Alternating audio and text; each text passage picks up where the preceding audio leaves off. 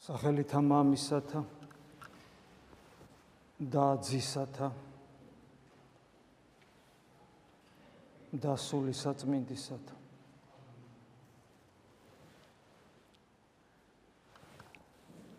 წინვალე შვიდეული გრძელდება და ჩვენ იმედია რომ კვლავ ვიბრძვით იმისთვის რომ ის სიხარული რას აღდგომას გქონდა შევინარჩუნოთ და არა მხოლოდ შევინარჩუნოთ, იმიტომ რომ თუ მხოლოდ შენარჩუნებაზე ფიქრობს ადამიანის ყოველთვის წააგებს სულიერ ცხოვრებაში, არამედ კიდევ უფრო მეტად ჩაუღმავდეთ საკუთარ თავს და კიდევ უფრო მეტად განვიცადოთ და სულ ამბობთ, რომ კუდრეთით აღდგარი მაცხოვრის საკუთარ თავში განცდის garaშე, თუ ჩვენთვის ქრისტე არ აღდგარა, მაშინ მთელი ეს ჩვენი რელიგიურ სულიერი ცხოვრება ამაოვა. აა ერთ-ერთი მთავარი რაც ჩვენ ხელს გვიშლის არის ის, რომ ჩვენ ვერ გამოვდივართ ჩვენი დაცემული ბუნებიდან, მიუხედავად იმისა, რომ ჩვენი ჩვენ ახალი აღთქმის შვილები ვართ. სასופევლის მოქალაქენი, როგორც პავლე მოციქული ვამბობს, გვასწავლის, რომ ვიცით, რომ ჩვენ აა სამყოფელი ზეცაში გვაქვს ქალაქში რომელიც არა კაცმა არა მეტ ღმერთმა აღაშენა და აქ რომ სამყოფელი არა გვაქვს ეს ყველაფერი ვიცით. აქ რომ სამყოფელი არა გვაქვს ეს დასტურდება კაცობრიობის ისტორიით და ჩვენი უახლოესი გარემოცვით როდესაც ადამიანები კვდებიან და ამ სოფელში არაფერს აღარ ტოვებენ და სოფელი მათ აღარ ჭირდებათ. მიუხედავად ამისა, მიუხედავად ამისა, ჩვენ მაინც ვერ გამოვდივართ იმ ჩარჩოებიდან, აზროვნების იმ სტილიდან, რასაც ამ ქვეყნიური მიწერი აზროვნება ქვია და ქვია და ჩვენ ვცდილობთ, რომ სულიერ ცხოვრებაშიც ეს ის მეთოდები გამოვიყენოთ შემეცნებისა, რასაც ჩვენ ვიყენებთ ამ სოფელთან მიმართებაში. ეს არის გარეშე მეცნება. ხშირად გვითხოვს, რომ ამიტომაც არის ერთ-ერთი მიზეზი რელიგიური ადამიანების დაუოკებელი ჟინისა, რომ სასწაული იხილონ, სწორედ ამაში მდგომარეობს, რომ როგორმე ნახონ მირომდინარე ხატი, როგორმე ნახონ სასწაულებრივი განკურნება და ასე შემდეგ. მე მინდა გითხრათ, რომ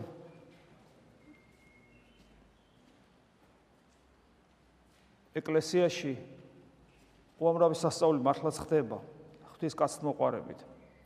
ჩვენ სახარებაში ვკითხულობთ ამას და მე ეკლესიის გამოცდილებით ჩვენ ეს ვიცით და გვინახავს კიდევაც.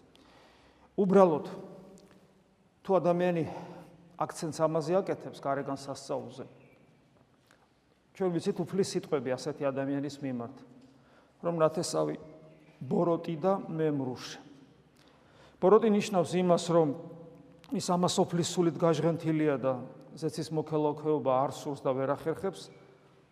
ახალო მემრუშენ ნიშნავს მოღალატეს. არსობრივად ის ქრისტეს ღალატობს. იმიტომ რომ თუ ადამიანი მხოლოდ გარეგნულით ეძებს ღმერთს როდესაც ქრისტეს ჯვარს აცვავდნენ და კლავდნენ ის აუცილებლად განუდგებოდა და უღალატებდა მას. იმ დროს როდესაც იგი თავის თავს არავლენდა როგორც ღმერთი. ისე კაცმარო თქოს გარეგანის ასწაული საინტერესოა, საინტერესოა, მე ხაზგასმით ვამბობ, ვიყენებ ამ სიტყვას. მაგრამ სიღრმისეულად ბევრი არაფრის მომცემი არ არის. უბრალოდ რწმენაში თუ ადამიანი ცდილობს რწმენაში ყოფნას და თუ ცდილობს ადამიანი გულწრფელად უანგაროთ ღმერთის ზიებას, გარკვეულად ესეთი სასწაული მას ეხმარება. დამხმარე საშუალებაა. ხანდახან არის მას წამახალისებელი საშუალება აქვს. აი როცა ადამიანი განსაკუთრებულად ახალ მოქცეულია ახალ მოქცეული, ან მოქცევის პროცესია და მისი გული მზად არის. რატომ არის მზად არ ვიცით, რატო არ იყო მანამდე მზად ახლა რატო გახდა მზად, ჩვენ ამაზე ხშირად გვისაუბრია, რომ ჩვენ ეს არ ვიცით, ეს საიდუმლოება. ადამიანის გული მომზადებულია ქრისტეს როგორც ღმერთის მისაღებად, არა როგორც უბრალოდ ღმერთის არსებობის დაჯერებისათვის, არამედ ქრისტეს როგორც ღმერთის მისაღებად მზაობა აქვს. აი ამ დროს შეიძლება რა წამახალისებელი წამახალისებელი ის კონდეს ნიშნულობა სასწაულს. თორე ისე თავისთავად აი მაგალითად მე პირადად ქონია ჩემ ცხოვრებაში, როდესაც ხელში მეჭირა მირომდინარე ხატი, რომელიც რომელიც აი ესე მეჭირა და აი წვეთავდა, აი ესე მოდიოდა და მოდიოდა, მოდიოდა და მოდიოდა საოცრად კეთილსურნელოვანი მირონი, ღვთისმშობლის ხატი იყო, პატარა.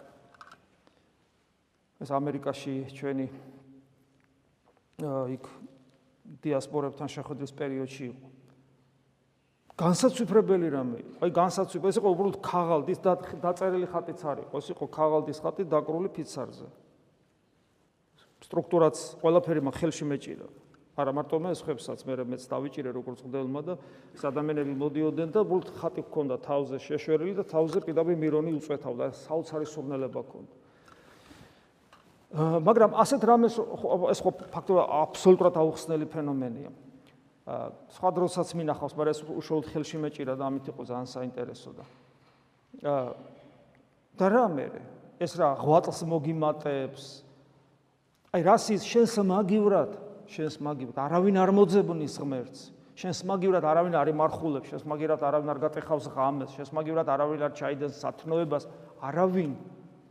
შენი საკეთებელი შენი საკეთებელია. მაგრამ ამ საკეთებელის мотиваცია ჩვენ შიგნით გვაქვს და არა გარეთ. ასე რომ სასწაული უბრალოდ გეხმარება რომ მეტად დაამარცხო შენში არსებული ეჭვები და მეტად ხნეთ შეებძოლო შენ სიზარმაცეს და ასე შემდეგ. ხშირ შემთხვევაში უგუნურობასაც დავიწყებასაც რომ ღმერთი ყოველთვის უნდა გახსოვდეს ასე შემდეგ. ასე რომ ჩვენ თუ გვინდა რომ ქრისტიანები ვიყოთ ჩვენ ღმერთი უნდა მოვძებნოთ და ნაკლებად გვაინტერესებდეს მისი კვალი. მისი კვალი თქვა მირომდინარე ხატი თქვა ვიღაცის განკურნება. სიტყვა სასწაულებრივი განკურნება თორე ადამიანები ყოველთვის ინკურნებიან. თუმცა მინდათ რომ გითხრათ რომ სასწაულებრივად ადამიანი არა მარტო ქრისტიანებში ინკურნებიან. აი შეიძლება საერთოდ ათეისტი რომელიც ისე განიკურნოს ექიმები გაოგნებულები იყვნენ. რატომ ღმერთი ყველაზე ზრუნავს? ღმერთი ცხოველებზე ზრუნავს. ბიბლია ხო გვასწავლის ამას. ყოველ წუხზე 113 ფსალმური რო იკითხება დასაწყისში მწუხრისას, რას გვეუბნება ეს ფსალმური, რომ ღმერთი ყველაზე ზრუნავს. და რომ არის ზრუნავს რა რა სამყარო ყვავილი როგორ ამოვა და როგორ იქნება ასეთი მშვენიერი მასე ღმერთი რომ არ ზრუნავდეს. ეს ჩვენ გვაქვს ეს ხშირად ამპარტავნული გაგება, რომ ღმერთი ისე უყვარ ვარ, ყვავილიც უყვარს. სახარებაში გვახსოვს. ნებისმიერი ველი შროშანი კაცილებით უფრო მშვენივრად და ლამაზად გამოიყურება ვიდრე სოლომონი თავის დიდებაშიო.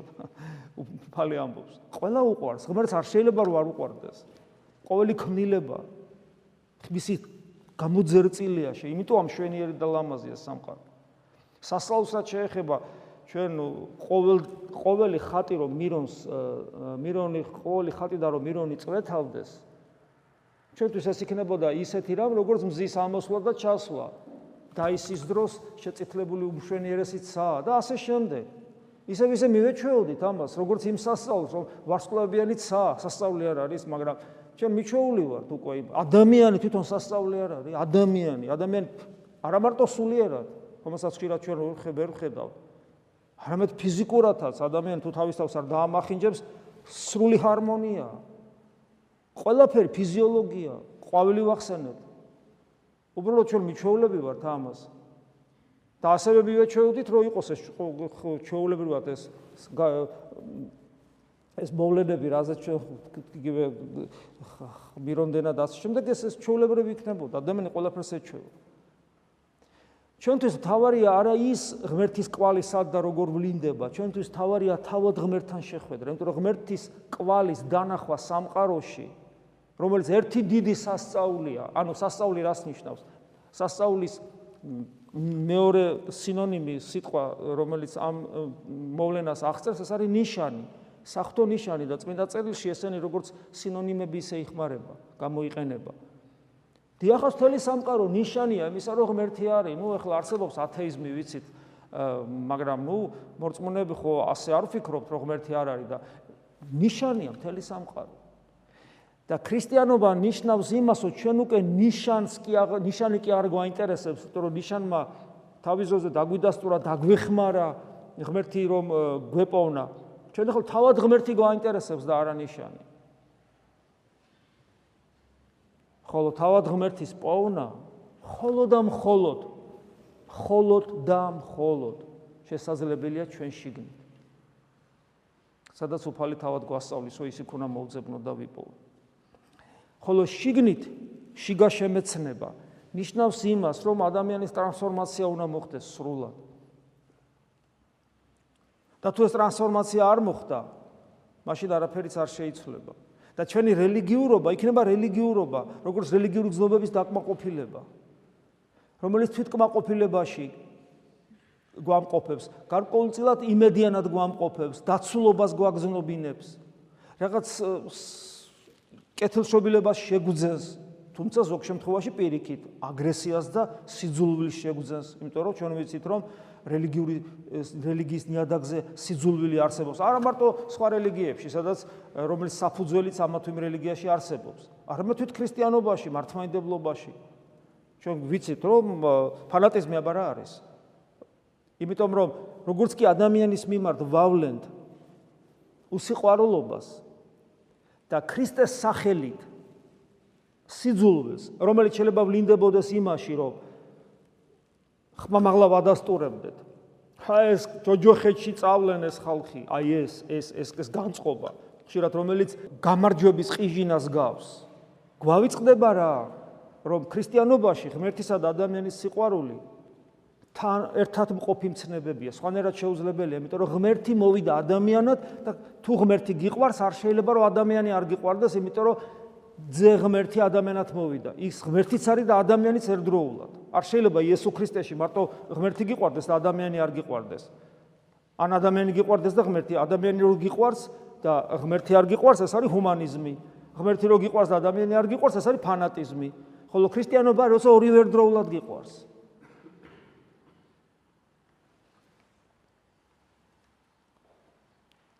და აი ესეთი რელიგიურობის მიზეზი სწორედ ის არის რომ ადამიანი აი ამ სამყაროს შემეცნებისათვის საჭირო უნარს, გარე შემეცნება, რასაც ქვია, იყენებს რელიგიურ ცხოვრებაში. და ამიტომ წესზე და კანონზე აკეთებს აქცენტს და მისთვის წესი და კანონი დოგმატის რანგში გადადის. დოგმატის ანუ ღვთისაგან მოცემული ჭეშმარიტების რანგში გადაყავს წესი და კანონი.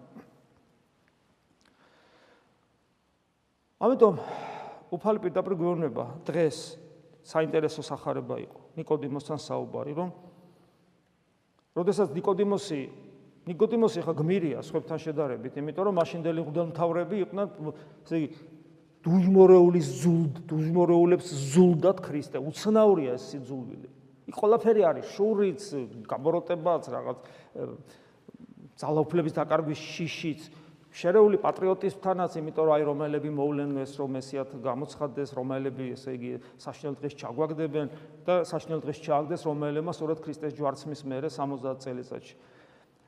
ეს ეს დამოკიდებულება, ანუ ყველაფერი არეული, ხალხზე ზრუნვა და სინამდვილეში საკუთარ თავზე ზრუნვა და იმდანად ტყუილმართალი, იმდანად არეული იყო მათში, რომ და უცებ აი ამის ფონზე ნიკოდიმოსი, ნიკოდიმოსი, საოცრება იგი მიდის ჩუმად ხვდება მას როგორც ფარული მოწაფე.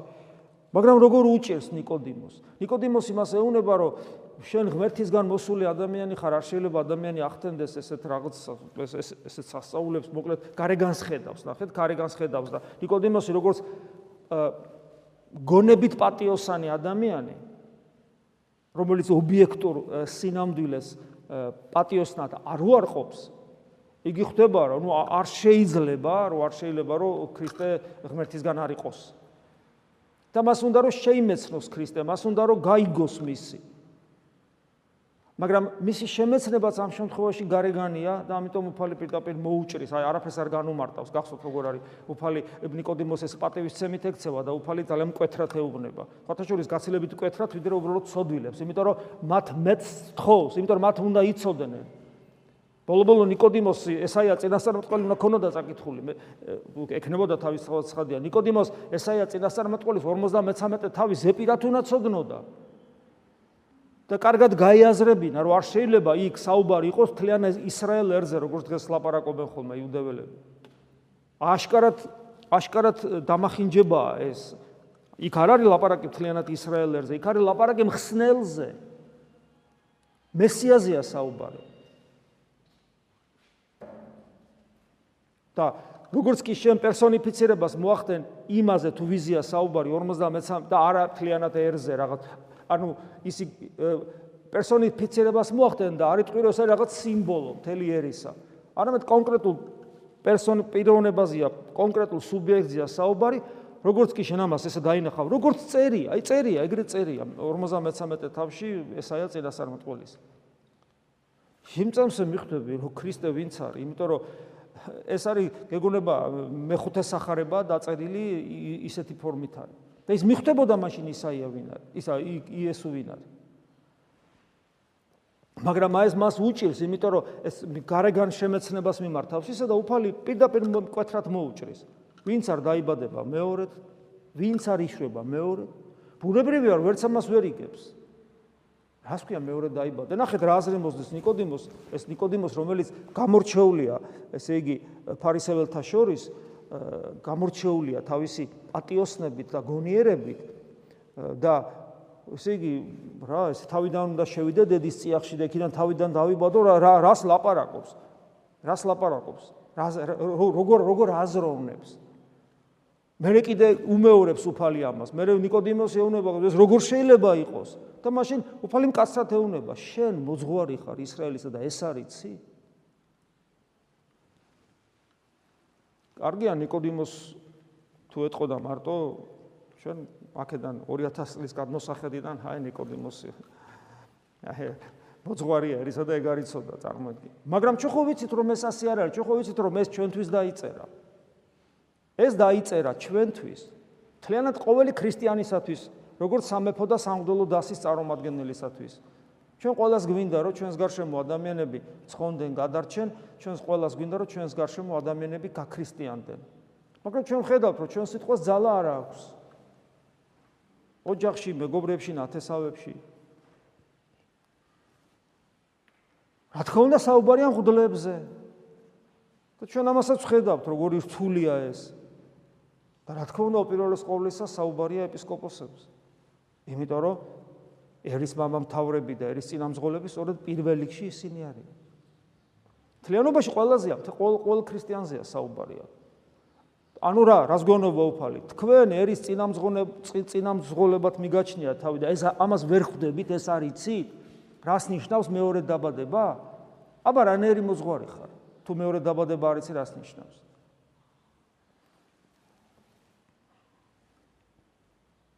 აგერ პეტრე დღევანდელ 60 ქულოში წავიკითხეთ. ესე იგი დღეს 60 დღევანდელ 60 ქულოში ეს საკითხავი სრულად არ არის წინა წინა დღეებში ჩანს რომ პეტრე ხადაგებს ხადაგებს სულიწმინდა ღმერთი რო გარდამოვიდა მათზე და ჩვენზე გადმოსულია სულიწმინდა ღმერთი. ჩვენ არა ვართ სულიწმინდის გარეშე. ჩვენ ნათლღებული და მირონცხებულები რო ვართ ეს ნიშნავს რომ სულიწმინდა რომელიც სულიწმინდა ღმერთი რომელიც გადმოვიდა ეკლესიაზე მისი აქტუალიზაცია ხდება ყოველი ნათლობისა და მირონცხების ჟამს. ყოველი. და ჩვენი მდგომარეობაში ვართ. რომ პირადად ცეცხლისენების სახით რო დაადგა. ეს ნიშანი იყო იმას იმის ნიშანი იყო ცეცხლისენების სახით რო დაადგა. ყოველთვის ესე კი არ დაადგება. ნიშანი იყო იმისა რომ სულიწმინდა ღმერთი ეკლესიას ქოლგასავით კი არ დაადგა, აი ქოლგასავით. არამედ პერსონიფიცირებას ახდენს. ეს ძალიან მნიშვნელოვანია. ჩვენ ქრისტეს სხეულში ვიმყოფებით ნათლისღებით, ვიბადებით ზეციური მოქალაქეობისათვის და ვხდებით ქრისტეს სხეულის ნომინალური ნაწილი, უჯრედი. მაგრამ ეს იმას აღნიშნავს, რომ ჩვენ ქრისტეს სხეულში დეტერმინირებული ვართ. ანუ ჩვენ წაგვერთვა ჩვენი, ანუ ეს არ არის ინდუიზმი, რომელიც ესე შევა მარილის კაცი ზღვაში და გაქრება. ჩვენ კი შეუერთდით ქრისტეს სხეულს, მისტიურ სხეულს. მაგრამ ჩვენი პერსონა, ჩვენი პერსონიფიცირება შენარჩუნებულია, იმიტომ რომ სულიწმინდა ღმერთი რომ მოდის, ცეცხლისენების საკეთ ცალ-ცალკე ადგება ადამიანს. და ეს ხდება ჩვენ ჩვენ ჩვენში ჩვენ შემთხვევაში მირონცხების დროს. ამიტომ მადლი რომელიც შემდგომ სულიწმინდა ღმერთის გარდამოსვლის შემდეგ მოციქულებში ის მადლი ჩვენში ეს ცოცხლდება ჩვენში. და ნახეთ პეტრე საუბრობს რამე განსაკუთრებული რაღაც იქ გადმოცემულია საქმე მოციქულთაში მისი სიტყვა იქ არ არის რაღაცა ჭერმატყოლების რაღაც შედევრი ან რაღაც ისეთი ფაქტები რომელიც ებრაელებმა არ იცოდნენ მოკლე ისტორია საფრთხო ისტორიას გადმოსცემს. პეტრე რომელიც ყველა ებრაელმა ზეპირად იცოდა უბრალოდ საუბრობს და მე ქრისტეზე საუბრობს და ამ სიტყვამ საოცარი საოცარი გავლენა იქონია. 3000 კაცი მოინათლა მისი ამ სიტყვის მერე. აშკარად ჩანს რომ აი როგორც პავლე მოციქული ამბობს რომ რომ მისი სიტყვა არის არა სიბძნის მეტყველება არამედ ძალა ძალა უნდა ძალა რომელიც ღმერთისგან იძლევა ეს თავიდან თავად თავად უფლის სიტყვებშიც არის როცა უფალი საუბრობს უყურებენ და უსმენენ როცა სინაგოგებში ხადაგებს რომ რა უცნაურად საუბრობს ვერ ხვდებიან რაშია საქმე მაგრამ ამას აფიქსირებენ რომ ჩვენი მოძღვრებით კი არ საუბრობს. მის სიტყვას ძალა ახლავს. აი ამ ძალის გარეშე ჩვენს მისიონერობას ფასი არ აქვს. რა თქმა უნდა, სიტყვას მაინც მნიშვნელობა აქვს, იმიტომ რომ რაღაცას გაიგონებს ადამიანი და მე ღმერთისგან ხომ არ არის მიტოვებული გულში ესაუბრება უფალი, თვითონ ეძებს ადამიანი და აი ამ ძიებაში, გარდან ნათქვამში თუ ეს ნათქვამი ჭეშმარიტებაა, თეორიულად მაინც ჭეშმარიტება თუ არის. და არა რაღაც ფანატიზმით გამსჭვალული და ანცრუ ლიბერალიზმით გამსჭვალული რაღაც დოქტრინა, არამედ ნამდვილი მართლმადიდებლობა თუ არის, ყოვლადწმინდა სამებისა და განკაცებული ღმერთის შესახებ მოძღვრება თუ არის, თუნდაც მშრალი იყოს და მე ადამიანი თუ თავად ეძებს და ღმერთი ზრუნავს მასზე, ადამიანისათვის ადამიანისათვის ეს მაინც სასარგებლოა, მაგრამ აი ეს რასაც ჩვენ ხედავთ, ის ეფექტი, რომ უცებ ამდენი ადამიანი გაქრისტიანდა, თან ის ადამიანები, ვინც ცოტა ხნის წინ ყვიროდნენ ჯვარსაცუეგენ. ეს ნიშნავს იმას, რომ სიტყვას ძალა უნდა ახლდეს. საქართველოს სინამდვილეში დღეს ჩვენ სწორედ აი პეტრესეული მადლიანი სიტყვები გვჭირდება. იმიტომ რომ დრო ისე სწრაფად მიდის დამანგრეველი ჩვენთვის. იმიტომ რომ თვალსა და ხელს შუა ვინც ესე იგი საბჭოეთიდან მოვდივართ ჩვენ ხედავთ რომ შაგრენის ტყავით ნელა-ნელა პატარავდება საქართველო და არა მარტო ტერიტორიულად პატარავდება. ჩვენ ტერიტორიებს მივტირით ხოლმე. ნუ სამართლიანათაც მაგრამ ჩვენ გვავიწყდება რომ ტერიტორიის ეგო შაგრენის ტყავის დაპატარავება იყო ناقოფი ადამიანის ცხოვრებისა. ეს ტერიტორიების დაკარგვა არის ناقოფი ჩვენ შინაგანად ვილებით, შინაგანად. ჩვენი სული, ჩვენი ზნეობრიობა, ჩვენი ღირსება, ჩვენ ყველაფერი ის რაც რითაც ჩვენ საამაყო გვქონდა, ქონდა. ის ყველაფერი ხრება. და შესაბამისად, ტერიტორიების დაკარგვა არის გარეგანი ნიშანი, რომ ამან მაინც გამოგვაფხიზლოს. იმიტომ რომ ისე ვერ ვხედავთ ჩვენ სავალალო მდგომარეობას, მაგრამ ამ ეტაპზე ჩვენ სამწუხაროდ ვერ ვფხიზლდებით.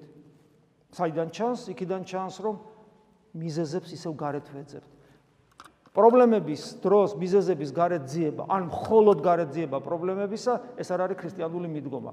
ეს ეხება ერს, ეს ეხება ბერს, ეს ეხება ჩვენ სასულიერო პირებს, როდესაც ყოველ დღე, ყოველ დღე გვესხმიან თავს, ყოველ დღე პროვოკაციებს გვიწყობენ, ყოველ დღე ტალახს ესე გვასხავენ თავზე და ჩვენი რეაქცია არის ესეთი, ისინი ცუდები არიან და მე ისინი რო ცუდია, ვირუსი ცუდია.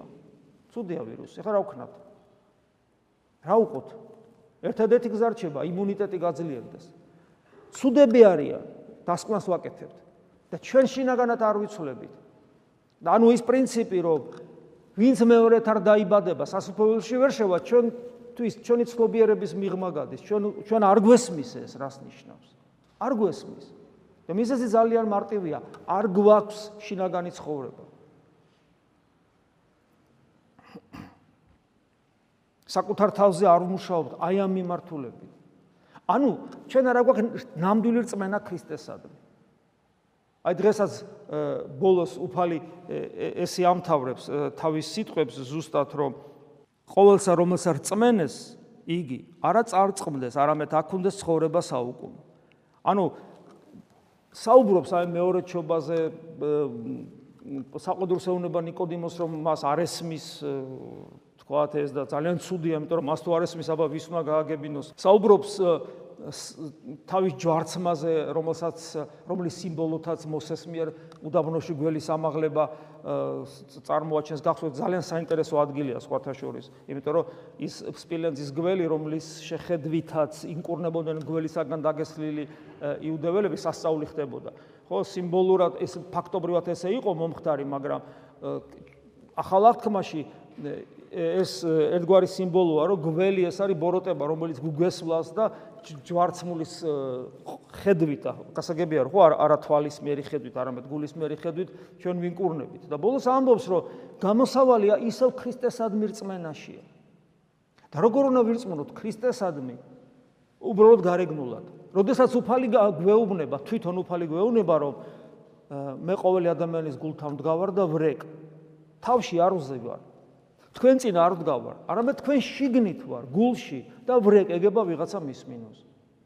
როცა ეზიარებით ჩემს ის გახოთ, მე თქვენში შემოვდივარ. ამას გვეუბნება უფალი, ხო?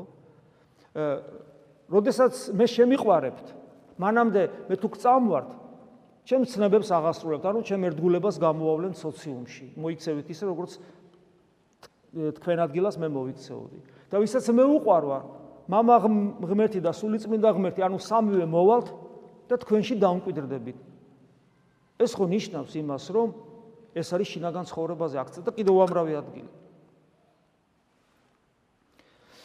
ამიტომ თუ ჩვენ გვინდა რომ აღდგომის სიხარული გაგვიხანგრძლივდეს და კიდე განვითარდეს, მაშინ შიდა ცხოვრების შიდა ცხოვრება სერიოზულად უნდა მივხედოთ. სიმართლე გითხრათ, აი ყოველი წირვა ევქარისტიული მსახურება რა ვიცი, რამდენად ადეკვატური იქნება ეს ჩემი სიტყვა, მაგრამ სიხარულიც არის ძალიან დიდი, იმიტომ რომ ნუ მღვდელი ნიშნავს მწირველს. მღვდელი სხვას არაფერს არ ნიშნავს თუ არა მწირველს. ამიტომ ერთ-ერთი დამახასიათებელი თავარი მღვდლობაში წარმატებისა, ცოტათი წარმატების ეს არის წირვის სიყვარული და სურვილი, როცა შენ გინდოდეს, რომ როცა გინდა, რომ ყოველდღე, ყოველდღე მსახურებდე, ან ეზიარებოდე, ამსახურებდე. ეს ეს ეს ناყოფია უბრალოდ, რომელიც ჩვენი დამსახურება კი არ არის, ეს უფალთან თანამშრომლობას ნიშნავს. მაგრამ ამავე დროს ანუ სიხარული ახლავს, მღვდელი მღვდელი თავს გძნობს ბედნიერად წირვის დროს და ასევე უნდა იყოს ერის ადამიანიც და მაგალითს ხდელი იძლევა, მაგრამ ერის ადამიანიც ასე უნდა იყოს, იმიტომ რომ წირვის თქვენ რო აქ გახართ და თქვენ შეეულს რომ მოდი ასე ვთქვათ, ტანჯავთ და მოწამეობრივ ღვალს აღასრულებთ, თქვენ უნდა გძნობდეთ, რომ აქ ამ 2 საათის განმავლობაში თქვენ სხვა სამყაროში იმყოფებით, თქვენ არ ახართ იმ სამყაროში, რომელიც მერე გარეთ გელოდებათ, როცა გადიხართ და თქვენი რწმენის გამოცდა იწყება. ეს სხვა სამყარო აქ არის, აქ იწყება, აქ არის რაღაც განსაკუთრებული რამ. მაგრამ ამავე დროს ეს არის პასუხისგებლობა ძალიან დიდი ძალიან დიდი პასუხისგებლობა და განსაკუთრებულად სასულიერო პირისთვის რომელიც სიტყვებს რო ხმამაღლა ამბობს. ну რა თქმა უნდა ეს მედავითნესაც პრინციპში რატომაც არ ეხება მაგრამ მედავითნე მაინც ამ შემთხვევაში ხუდლის კურთხევით მოქმედებს. როცა სიტყვას ამბობს და ეს სიტყვა თუ არ შეესაბამება გულის მდგომარეობას ანუ მე რასაც ვამბობ, ხო ღმერთს ვადიდებ, ღმერთს რაღაცას ვთხოვ, ვესაუბრები, ველაპარაკები. როცა ჩემი გულის მდგომარეობა არ არის შესაბამისობაში, თანხვედრაში, უნისონში არ არის ამ სიტყვებთან. ეს არის ტრაგედია სასულიერო პირისათვის. ამიტომ წირვა სასიხარულოც არის და უდიდესი პასუხისგებლობის წინაშე გვაყენებს და საშიშიც არის, საშიში არის. საშიშია, იმიტომ რომ წირვის დროს წარმოთქმული სიტყვა თუ ამაოთ მეტყოლებად გადაიქცა სასულიერო პირისათვის, ეს მისთვის არა უბრალოდ შეცდომა, არამედ სასიკვდინეცოდვაა. რატომ? იმიტომ რომ 10 მცნების დარღვევა, 10 მცნებაში არის კონცენტრირებული სასიკვდილოცოდები. არა მოიღო სახელი უფლის ამაოსა ზედა. ანუ ტყილა არ თქვა უფლის სახელი. და წარმოიდგინეთ, თუ ადამიანის გული და სიტყვა არ არის თანხwebdriverში, ტყილად ლაპარაკობს. ტყილად. ჩართე პლეიერი დადია მთელი წირვის სიტყვებით და იგივე გამოდის თითქოს. იმიტომ რომ თუ მე ჩემი გული არ თანამონაწილეობს. აი და გული რო თანამონაწილე გახდეს ამისი. იოლი არ არის, ეს თქვენ ძალიან კარგად იცით. და როდესაც ჩვენ მივანიშნებთ ხოლმე, მიუთითებთ ვიმეორებთ წმინდანების სიტყვებს, რომ ისიქაზმე არის მართლმადიდებლური პრაქტიკის აუცილებელი ატრიბუტი, ასე ვთქვა და ანუ მართლმადიდებლობის უნიკალურობის გამოვლინება ისიქაზმი როგორც საკუთარ გულში ქრისტეს ძიების მეთოდი, მოდი ესე ვთქვა. ის არის უმნიშვნელოვანესი და აუცილებელი. ოღონდ ეს თქვენი საკეთებელია ცალკე თქვენ რომ თქვენ სახლებში ხართ და ის გამოცდილება, რასაც თქვენ იქ მიიღებთ, უმნიშვნელო, მაგრამ მაინც აუცილებლად გექნებათ რაღაც გამოცდილება. ის გამოცდილება უნდა მოიტანოთ, უნდა აი როგორც აი ცეცხლი რომ მიგაქვთ ხოლმე აქედან ეს აღდგომის ცეცხლი, როგორ უფთხილდებით, რომ არ ჩაგიქურეთ და როგორმე სახლამდე მიიტანოთ. ხო ესე ხდება? აი ზუსტად ის ის პატარა ნაპერწკალი, რომელსაც გამოცდილებით მოგცემ ღმერთი თქვენი პირადი ლოცვის დროს, ის პატარა ნაპერწკალი, პატარა პატარა სანთლის პატარა ალივით უნდა მოიტანოთ წირვამდე და წირვის განმავლობაში შეინარჩუნოთ, არ დაკარგოთ. ანუ მთელი წირის განმავლობაში გულში უნდა იყოთ. მაგრამ ამას ვერ მხდება ადამიანი თუ ამას სახში არ აკეთებს. თუ არ დაждდება სიბნელეში და ყურადღება არ იქნება გულის ზედანაწილში და გარკვეული დრო, რომელიც რომელსაც იგი თქვა აღწევს და ეს დრო ნელ-ნელა იზრდება, ის იმ დროის განმავლობაში რასაც ცდილობს, რა რა რა განცდაც აქვს ის თუ აქ არ მოიტანა. იქ აკეთებს მე აქ თუ აქ აქ უფრო ძნელია, იმიტომ რომ აი აქ არც იბნელია და ერთმანეთს ხედავ და დინამიკაა და იქ თუ არ აკეთებ, აქ ვერაფრით ვერ გააკეთებ, ვერაფრით. ოღონდ აქ ერთი პლუსია, აქ ღმერთი ძალიან გვეხმარება, უფრო მეტად ვიდრე იქ ცალკე რო ვარ. რატო გვეხმარება? ეს არის ლიტურგიკული სახურების ერთ-ერთი უპირატესი რამ, რომ ერთად რო ვარ, ერთად რო ვარ. ერთად რო ვართ, უფალი მეტად გვეხმარება და რა თქმა უნდა მე ზიარების საოცარი მადლი. მაგრამ გამოცდილებას იქ ვიძენთ, როცა ერთიერთზე ვართ ჩვენ თავთან და უფალთან.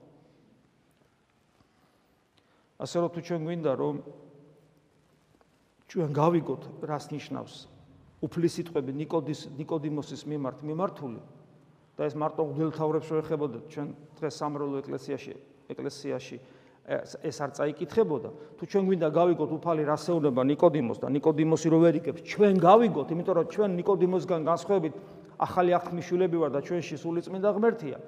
ამისათვის საჭიროა შინაგანი სულიერი ცხოვრება. სხვაგვარად ეს არაფერი არ გამოვა. აქედან იბადება ის განსაცვიფრებელი გმირობის მაგალითები. იგივე დღეს გიორგობაა და როდესაც ადამიანი ჩვენ დღეს ისე უყურებთ რაღაც მითოლოგიურ პერსონაჟს. მითოლოგიურ პერსონაჟს, ოდესაც სინამდვილეში ეს ჩვეულებრივი ადამიანი იყო, რომელიც იყო სამხედრო მეომარი, პირად დაცვაში იყო დეოკლეტიანესთან, მამობში, მამაშვილური ურთიერთობა ჰქონდა, ძალიან უყვარდა ყველას, თვითონაც უყვარდა იმპერატორი, თვითონ დიოკლეტიანეს ისტორია, ვინც იცით, ის ფილოსოფიურად მოაზროვნე ადამიანი იყო, საკმაოდ კეთილშობილი და დადებითი პიროვნება იყო. და ბოლო-ბოლო წმინდა გიორგი შეელო ესე საკურლად ეფიქრა, რომ ხო მოსაჩვენებლად უარყოფ და მე ქრისტიანი ვიქნები. არა, პრინციპზე დადგა. მას არ შეეძლო, აი მოსაჩვენებლად საკუთარ დედას ხوار შეაგინებ, არა, რომ სვამ თავზე ხელი გადა. შენ ახლა შეაგინე ესე და სინამდვილეში ხوار შეაგინებ. გესმის? უარყავი საკუთარი მშობელი მოსაჩვენებლად და ისე არა, აბა რომელი ნორმალური ადამიანი დათანხმდება ამაზე. ნახეთ რა ცოცხალია მისთვის, წმენა წმინდა გიორგისთვის. და ეს მარტო წმინდა გიორგი არისო ესე, სულ ჩანაწერების ხოთაშორისა ეს რომის იმპერია ხო ძალიან სამართლებრივი სახელმწიფო იყო და შენარჩუნებულია ყარა ყველა რა თქმა უნდა, მაგრამ ნაწილობრივ შენარჩუნებულია ჩანაწერები დაკითხვის ოქმები და ასე შემდეგ, სადაც ხშირად მეგობრულად იყვნენ გაწყობილი ქრისტიანების მიმართ.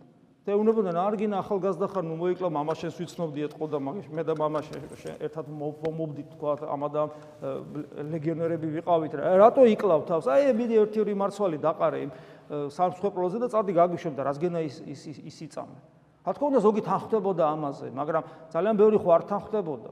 იმიტომ რომ შეუძლებელია ეს, რას ნიშნავს ჩუმად ჩუმად გწამდეს და ხმამაღლა თქვი თუ არა და ჩვენთვის ახლა ეს იოლად ჩანს თითქოს, მაგრამ წარმოგიდგენიათ საპირწონეთ რა ქონა წმინდა გიორგის აბსოლუტური დიდება ქონდა. ერთი რაც აკლდა იმპერატორი არ იყო და შესაძლებელი ესეც გამختارიყო, ესე ხდებოდა, ხო? ხედა იქ არ იყო ეს კაცად გაწესებული, რომ თქვათ, როგორც მე საქართველოსი ბაგრატიონთა დინასტია. კარგი მხედარი ხვალე შეიძლება გახდარიყო იმპერატორი, რამდენი მაგალითი აქვს ასეთი რომის იმპერიის. ყველაფერი შეიძლებოდა მის ცხოვრებაში მომختارიყო, თან ძალიან ახალგაზრდა იყო შემთხვევით არ არის, რომ ეს ახალგაზრდა გამოიხატება უწვერული. ყველაფერი დაამთავრა და საშნელი ტანჯვით მოიკლა. და საიდან ეს ეს ეს სიმტკიცე საიდან? მას რომ რეალური განცდა არ ქონოდა ცოცხალი ღმერთისა შიგნით ის რომ მეორე დაბადებული და ზეცის მოქალაქე არ ყოფილიყო, ამას როგორ გააკეთებდა? ეს რომ უბრალოდ იდეისათვის ერთგულება ყოფილიყო, იმ იდეას შეენარჩუნებდა და მოსაჩვენებლად რაღაცას იზავდა, მე გააგზელებდა. არა. არ გააკეთა ეს. ასე რომ აი ჩვენ გვაქვს წმინდა გიორგი და ყველა წმინდანი მაგალითად წევანდელი სახარების საკითხავი მაგალითად აღდგომის დღეებია და ეს მადლად გვეხმარება და შეგვეწია სულფალი რომ ვიყოთ ნამდვილი ქრისტიანები ამიტომ მაგალითი მივცეთ იმ ქართველებს, რომლებიცაც დღევანდელ დღეს წმინდა გიორგის სახელთან დაკავშირებით მხოლოდ ღვინის სმა ახსოვ და თრობა. ღვინის მას რას ვერჩი ახლა, ღვინო ყველაზე კაი სასმელია. თრობა. თრობა. რომელიც სასიკვდინე ცოდვა. აი ესე და არავინ არ სვავს კითხვას, რომ წმინდა გიორგი მოიკლა, მოიკლა და რატომ მოიკლა? და შე რას ქეიფობ? რას ქეიფობ, როცა ის მოიკლა? აი ზედაპირულობა ეს ყველაფრის მიმართ ზედაპირულობა, მათ შორის რელიგიური დღესასწაულებისადმი ზედაპირულობა, პროფესიისადმი, ნებისმიერი პროფესიისადმი ზედაპირულობა, სამშობლოს სიყვარულისადმი ზედაპირულობა, პოლიტიკური ცხოვრებისადმი ზედაპირულობა, აი ზედაპირულობა, რელიგიური ცხოვრებისადმი ზედაპირულობა. მღდლობისადმი ზედაპირულობა, ყველაფერში ზედაპირულობა ჭირს და მე რა გვიკვირს რატო ვართ ასე ცუდ დღეში. შეგვეციოს წმინდა გიორგი და ყველა წმინდანი რომ სულიერად სწორად გვეცხოვროს. ქრისტე აღსდგა.